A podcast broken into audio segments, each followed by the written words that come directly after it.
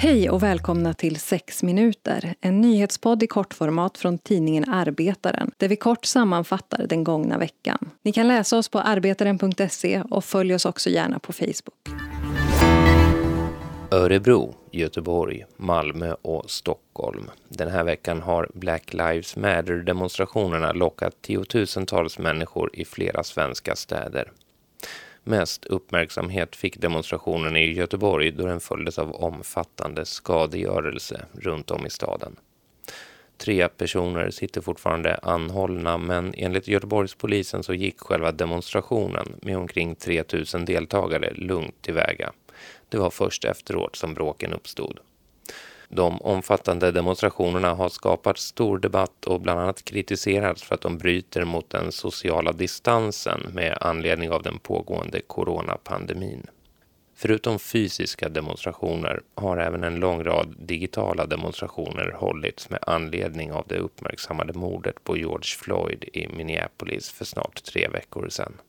En som följt protesterna på nära håll är Kitimbwa Sabuni. Han är ordförande i Afrosvenskarnas riksorganisation och han säger till Arbetaren att demonstrationerna världen över inte bara handlar om det uppmärksammade mordet på George Floyd.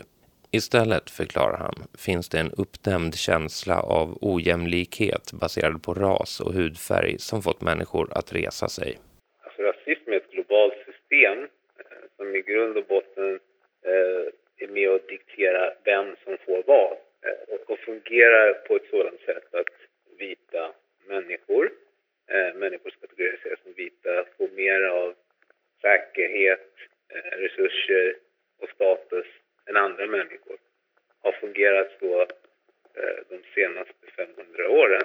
är, är det som är liksom det som har kunnat legitimera eh, kolonialism och transatlantisk avhandel och hela världen är fortfarande strukturerad efter den ordningen. Det sa alltså Kitimbwa Sabuni från Afrosvenskarnas riksorganisation. En längre intervju med honom finns att läsa på arbetaren.se. Nu vidare till Somalia som vid sidan av den pågående coronapandemin drabbats hårt av bland annat omfattande översvämningar och en jättelik gräshoppsinvasion. Nu varnar experter att det här kan komma att leda till att allt fler människor faller i händerna på människohandlare med omkring 400 000 människor som tvingats lämna sina hem den senaste tiden förklarar den internationella organisationen för migration, IOM, att människohandeln i landet ökar. Enligt FNs flyktingorgan UNHCR finns det i nuläget omkring 2,6 miljoner flyktingar i Somalia. Landet har länge haft omfattande problem med människohandel och myndigheterna efterlyste därför mer resurser för att kunna ta tag i problemet och hjälpa människor som riskerar att falla offer för exploatering. Då är det dags för sista ordet med Annie Hellqvist. Sen tar den här podden sommaruppehåll till augusti. Men fortsätt gärna läsa oss på webben, arbetaren.se. Varje människas frihet är oändlig tills den möter en annan människas lika stora frihet skrev anarkisten Mikhail Bakunin på 1800-talet. Min näves frihet slutar där din näsa börjar är ett annat sätt att säga samma sak. I en uppmärksammad ledare i Svenska Dagbladet i veckan skriver Ivar Arpi att Black Lives Matter-rörelsen strävar efter vitas underkastelse. Han vantolkar en kristen fotvättsritual och låtsas glömma bort att knäfallande är ett sätt att visa sin solidaritet. Han slår istället fast att kampen mot rasism är rasistisk. Jag vill dröja en stund vid vad detta berättar om Ivar Arpis frihetsbegrepp. Det avslöjar något.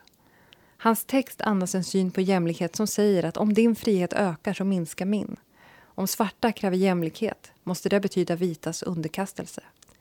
Människor med makt har alltid haft en större frihet än den som Bakunin pratade om. Deras frihet har inte slutat där en annan människas börjar. Män har kunnat ta sig friheter med kvinnors kroppar. Rika har kunnat ta sig friheter att besluta över andra människors tid.